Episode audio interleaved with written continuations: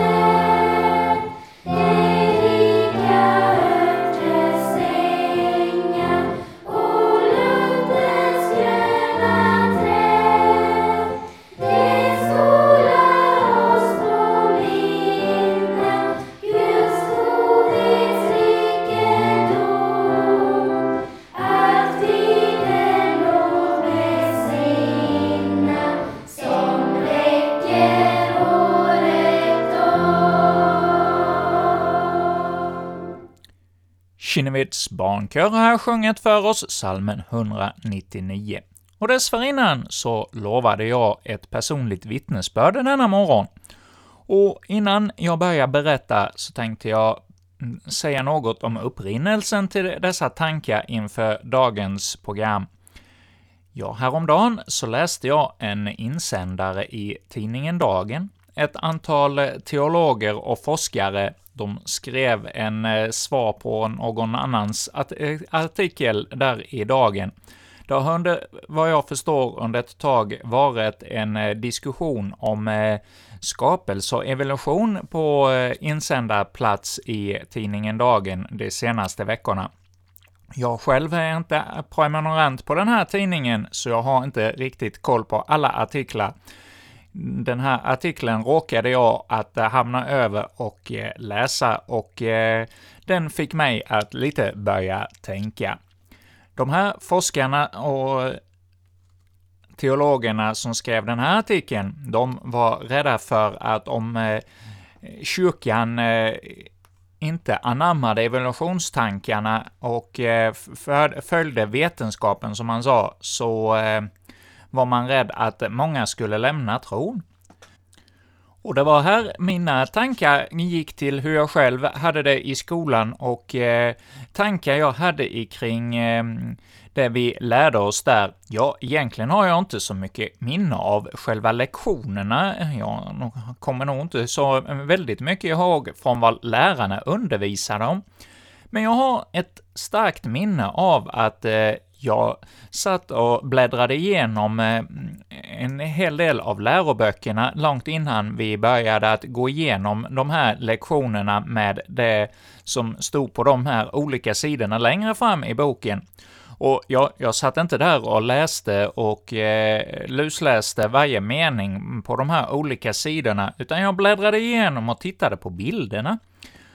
Och eh, ja, det ger ju någonting av betydelsen just av bilder, för det var de här bilderna i eh, de här böckerna som eh, fångade mitt intresse och som jag nog till stor del är det jag kommer ihåg från mycket av de böcker jag tittade i. Och ja, det var ju väl kanske det som mest intresserade mig då, historia och geografi och samhällskunskap. I de böckerna tittade jag nog alldeles extra. Men även i biologiböckerna så fanns det ju en hel del vackra, intressanta bilder och också sådana där fantasieggade eh, som eh, bilder som satte igång tankeverksamheten. Den här bilden av eh, att det börjar som en apa och sen ser man ett stegvis så blir det en människa. Ja, det var väl också en bild som eh, fångade min tanke.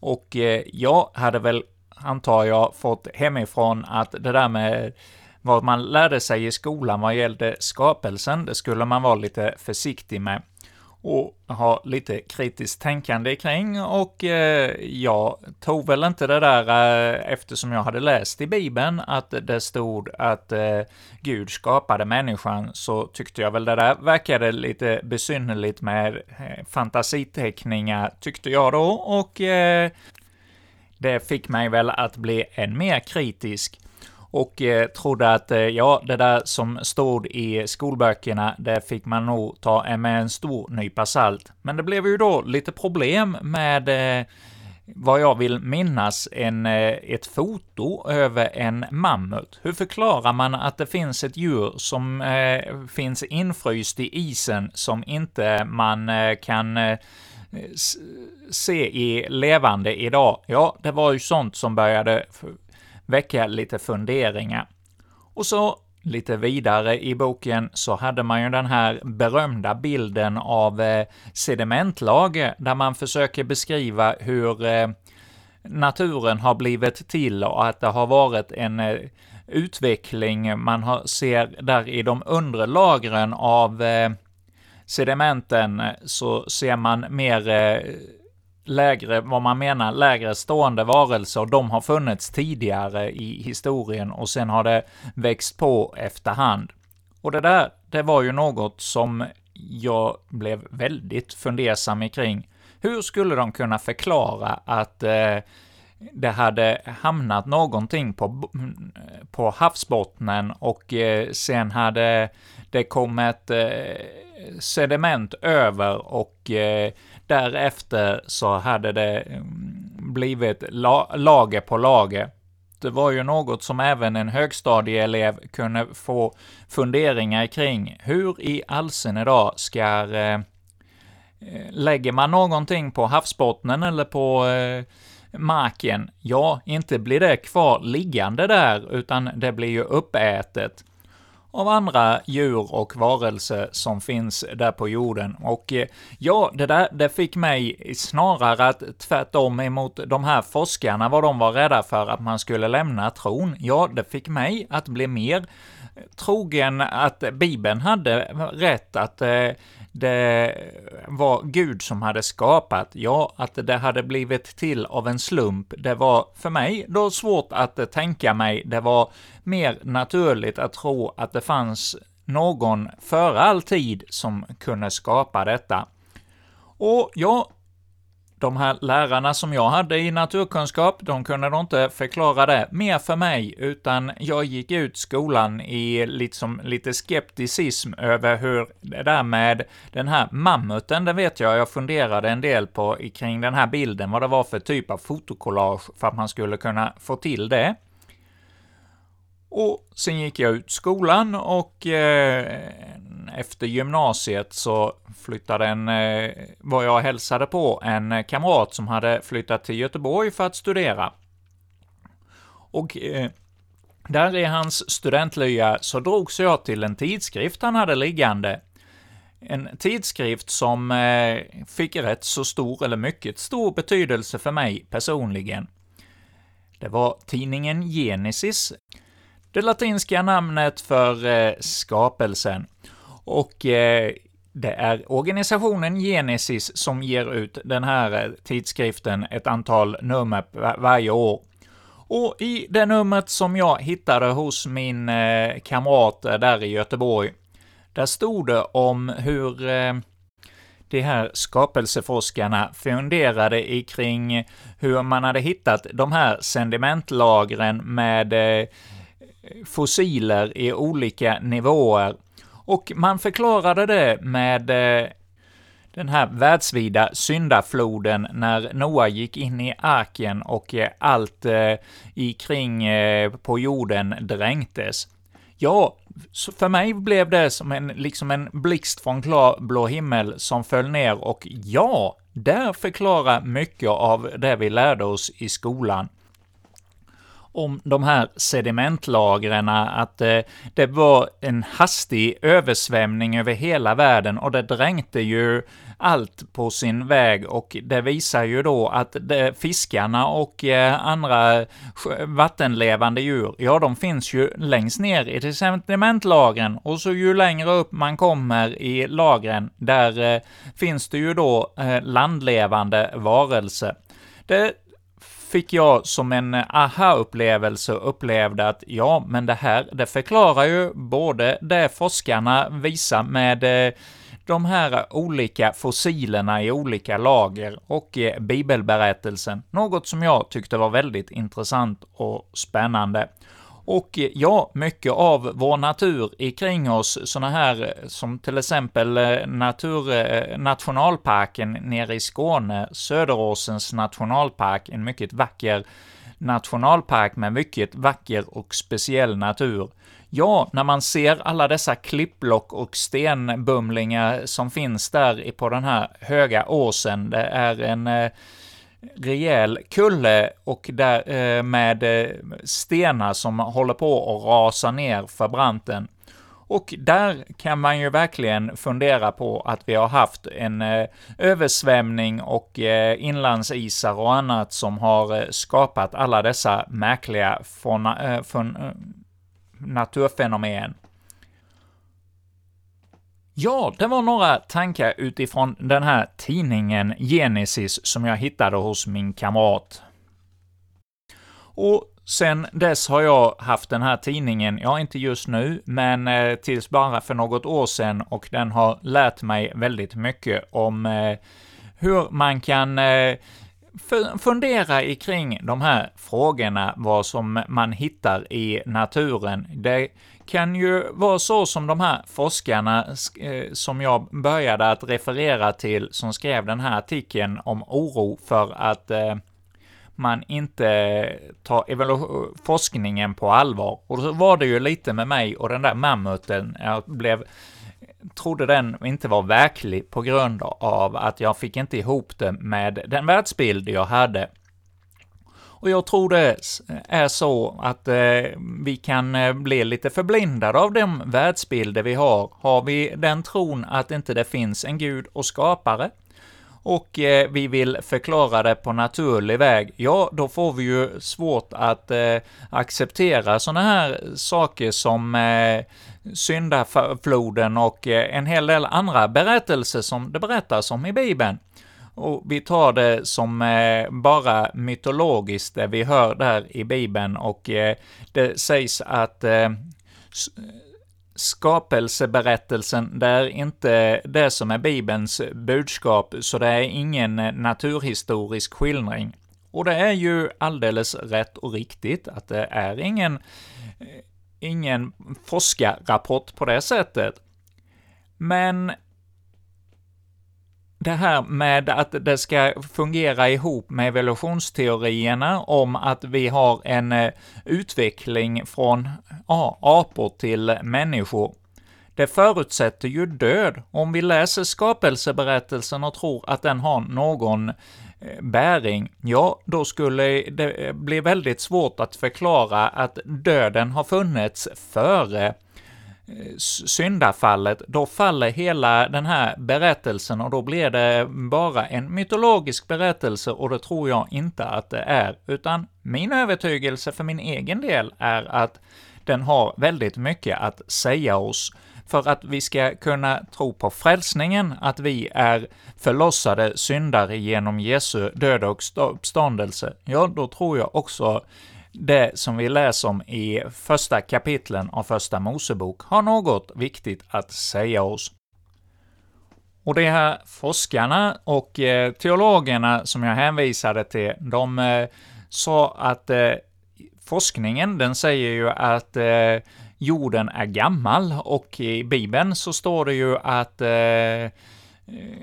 den är inte så gammal om man räknar ihop släktleden som eh, berättas om i Bibeln och eh, det inte är allt för många eh, som är bortglömda, så ja, då kan ju inte skapelsen vara sådär jättegammal.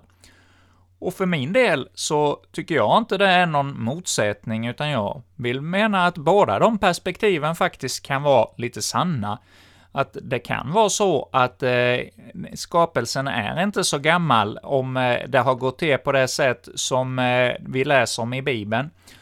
Så eh, skapade ju nog inte Gud eh, Adam och Eva som små bebisar, utan de var ju vuxna när eh, de kom fram och Gud lät dem eh, bli på jorden.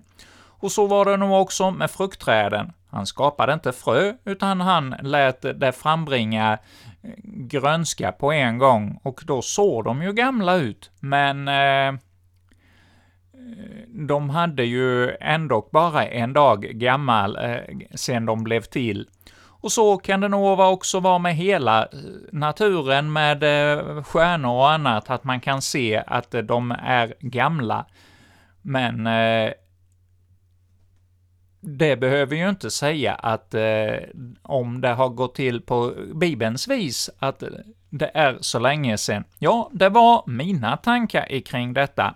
Du kanske tycker att jag är alldeles ute och cyklar och det, det där att eh, läsa vad som står i en gammal skrift och ha det som utgångspunkt, det kanske för dig är alldeles eh, uppåt väggarna och tycker att det är dåraktigt. Ja, du får tänka så och tycka så om mina tankar, men jag vill ändå tro att det som vi läser om i den här gamla skrift, Bibeln, den har någonting till just dig och mig på 2000-talet också att berätta om, både om eh, Guds plan för oss människor och något också delar av hur skapelsen blev till.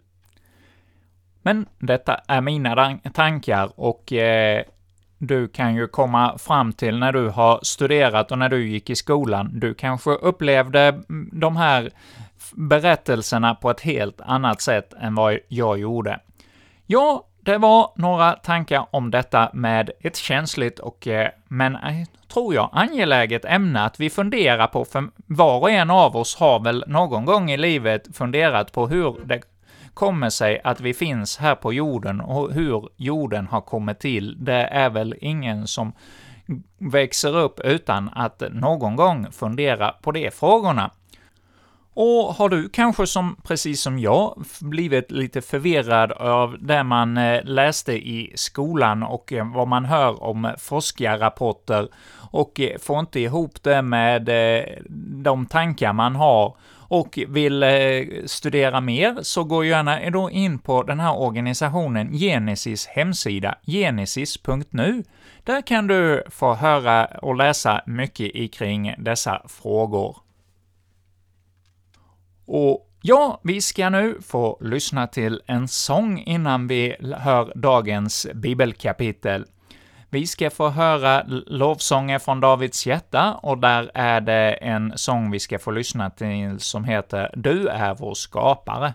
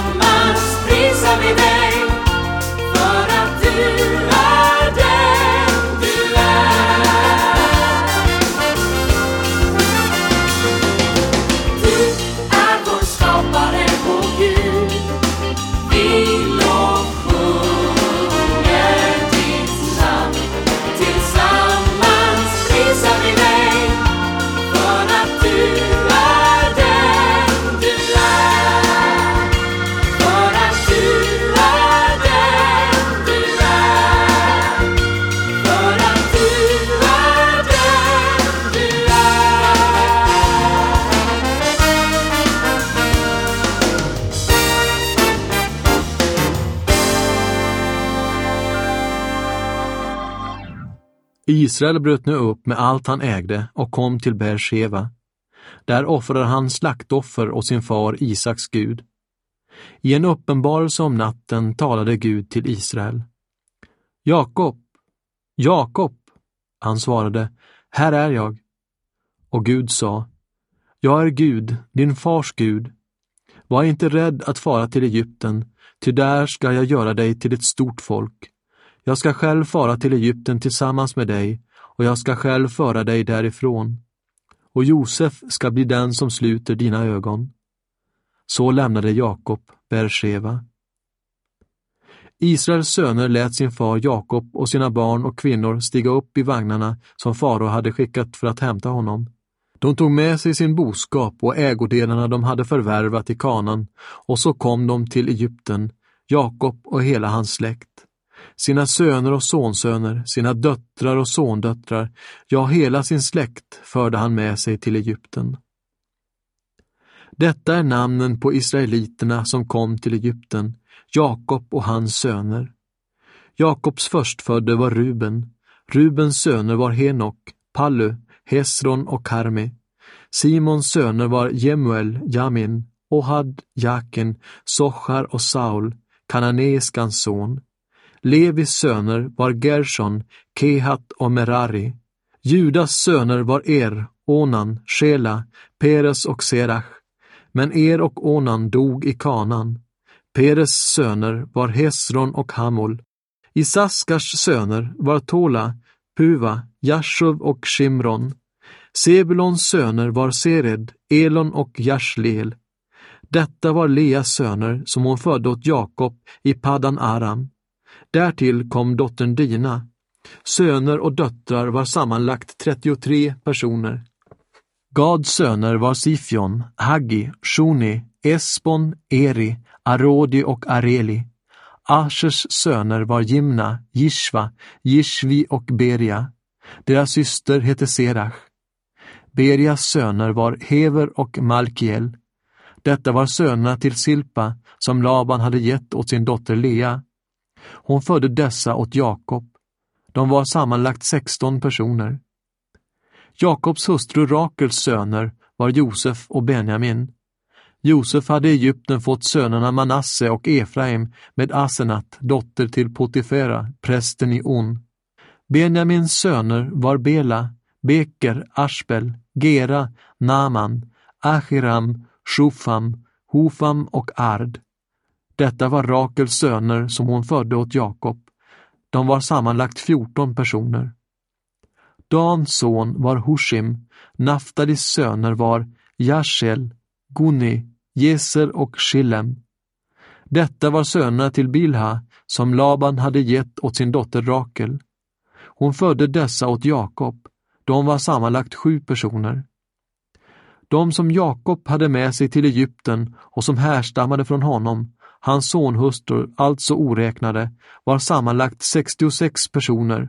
Och eftersom de söner Josef fick i Egypten var två, blev det sammanlagt 70 personer av Jakobs släkt som kom till Egypten. Israel hade skickat Juda i förväg till Josef för att få reda på vägen till Goshen. När de kom fram dit lät Josef spänna för sin vagn och åkte till Goshen för att möta sin far Israel. När han nu stod inför honom föll han honom om halsen och grät länge. Och Israel sa till Josef, nu kan jag dö, nu har jag sett dig och vet att du lever. Josef sa till sina bröder och till de andra i sin fars familj.